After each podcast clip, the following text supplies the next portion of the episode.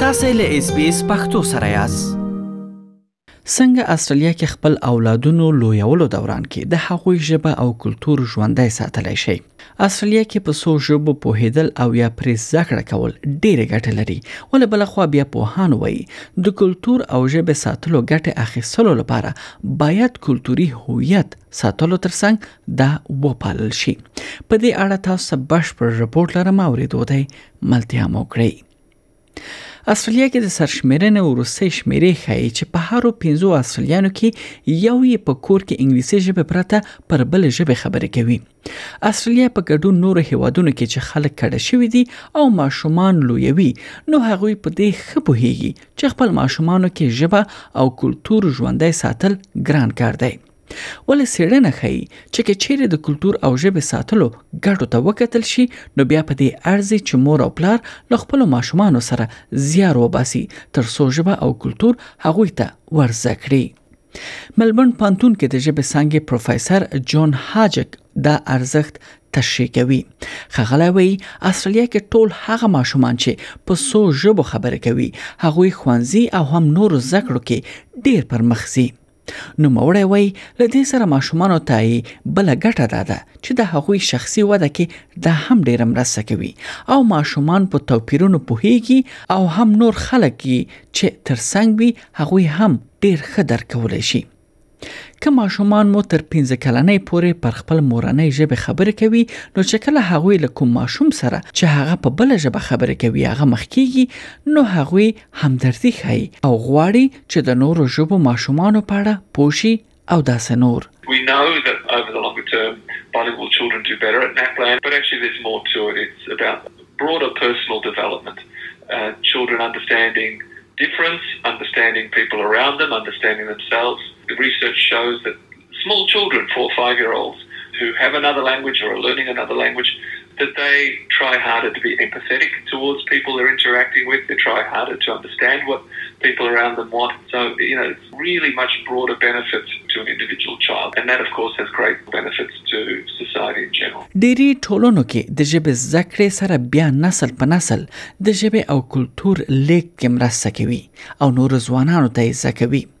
د ښاغلي حاجک په وینا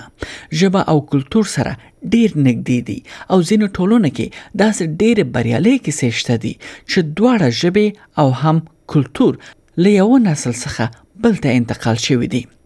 د پروفیسور حاجک په وینا دا د ټولنو او هم انفرادي شکل سره خلکو پورې اړه لري چې څنګه خپل ژبه او کلتور ته دوی وده ورکوي او ساتي یې language and culture are really closely tied together for lots of communities. And there are many success stories of second and third generation who've been able to learn you know, the family language, the heritage language, as well as the culture very successfully. But it's really up to uh, communities and individuals to work out what's important to them. Stanley Wang, the ابتدای ښوونځي مدیر دی. دا ښوونځی په وکټوریا ایالت کې یو له دولس ښوونځیو څخه دی چې په څو ژبو پروګرامونه وړاندې کوي په دې ښوونځیو کې چینایي ژبې زده کړه هم کیږي او دا له 1948 کال راهیسې جریان لري خغلی وایي له 1948 کال راهیسې له بیلابیلو کلتورونو څخه استرالیا ته د خلکو میشته کېدل ډیر څه بدل کړی دی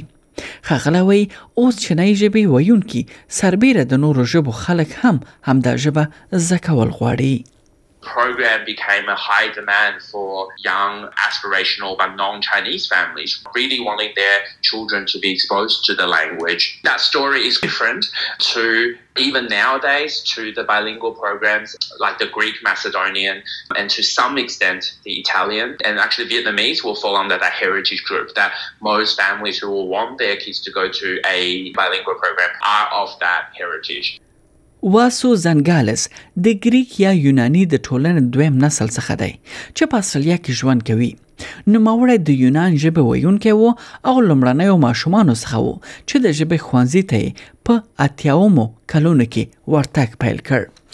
خغلی وایي هغه وخت چې ما د ژبې زده کړه کوله نو سبق یې کمزوری وم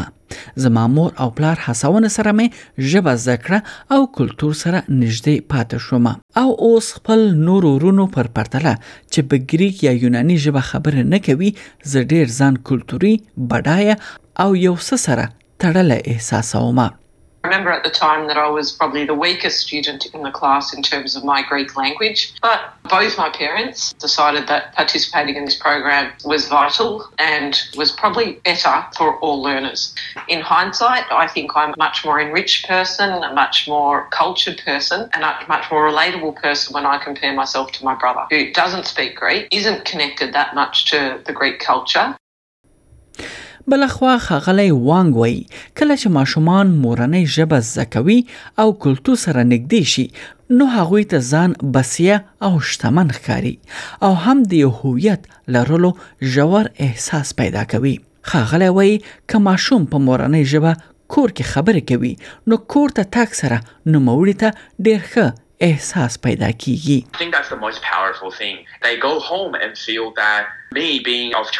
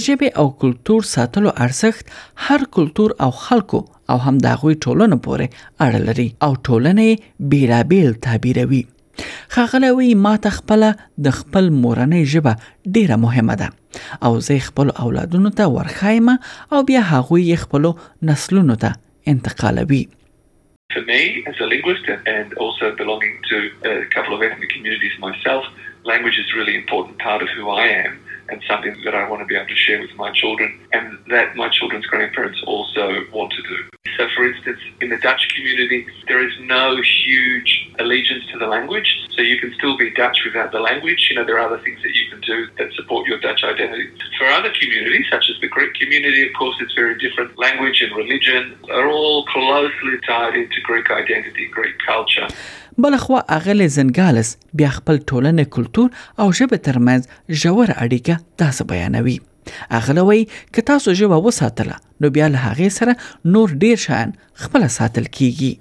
I think once you lose the language, everything else falls apart around it. So I think language is crucial. اغلې د دوو ماشومانو مور ده او خپل ماشومان یې د ژبې ښوونځي کې شامل کړي دي او له نورو ټولو نو او بخوا راغلو کسانو څخه غواړي چې خپل مورنۍ ژبه وساتي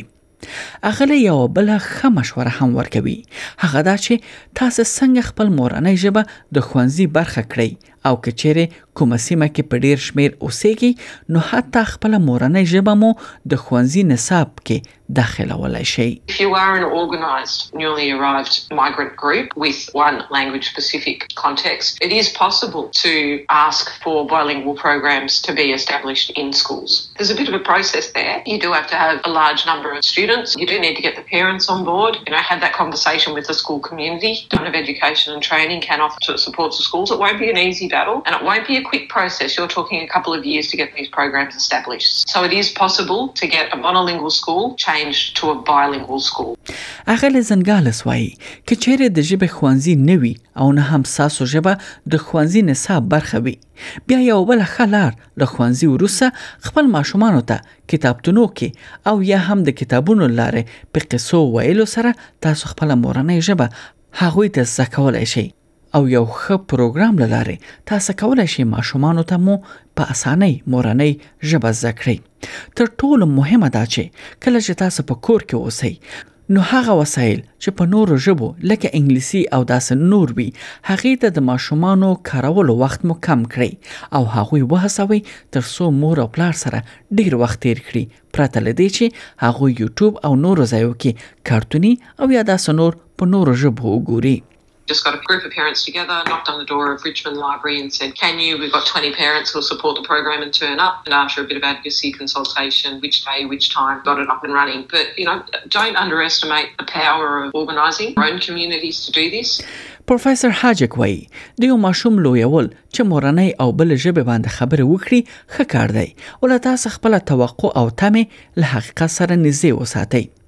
ښاغلی وایي چې اصلیه کې د ماشومانو ژبه انګلیسي کیږي او دا حتمی کار دی ولې دا سوال چې آیا د یو ژبې فوق العاده ویلو سره تاسو د هغه ژبې ویونکی جوړیږي نو ځواب نه دی ځکه ژبه څوک هم فوق العاده نشي ویلی لنډه دا چې د ښوونځي او بهر ژبه انګلیسي ده نو دا تمه ولرئ چې ماشومان مو انګلیسي کې ښه برلاسي کیږي او مورنۍ ژبه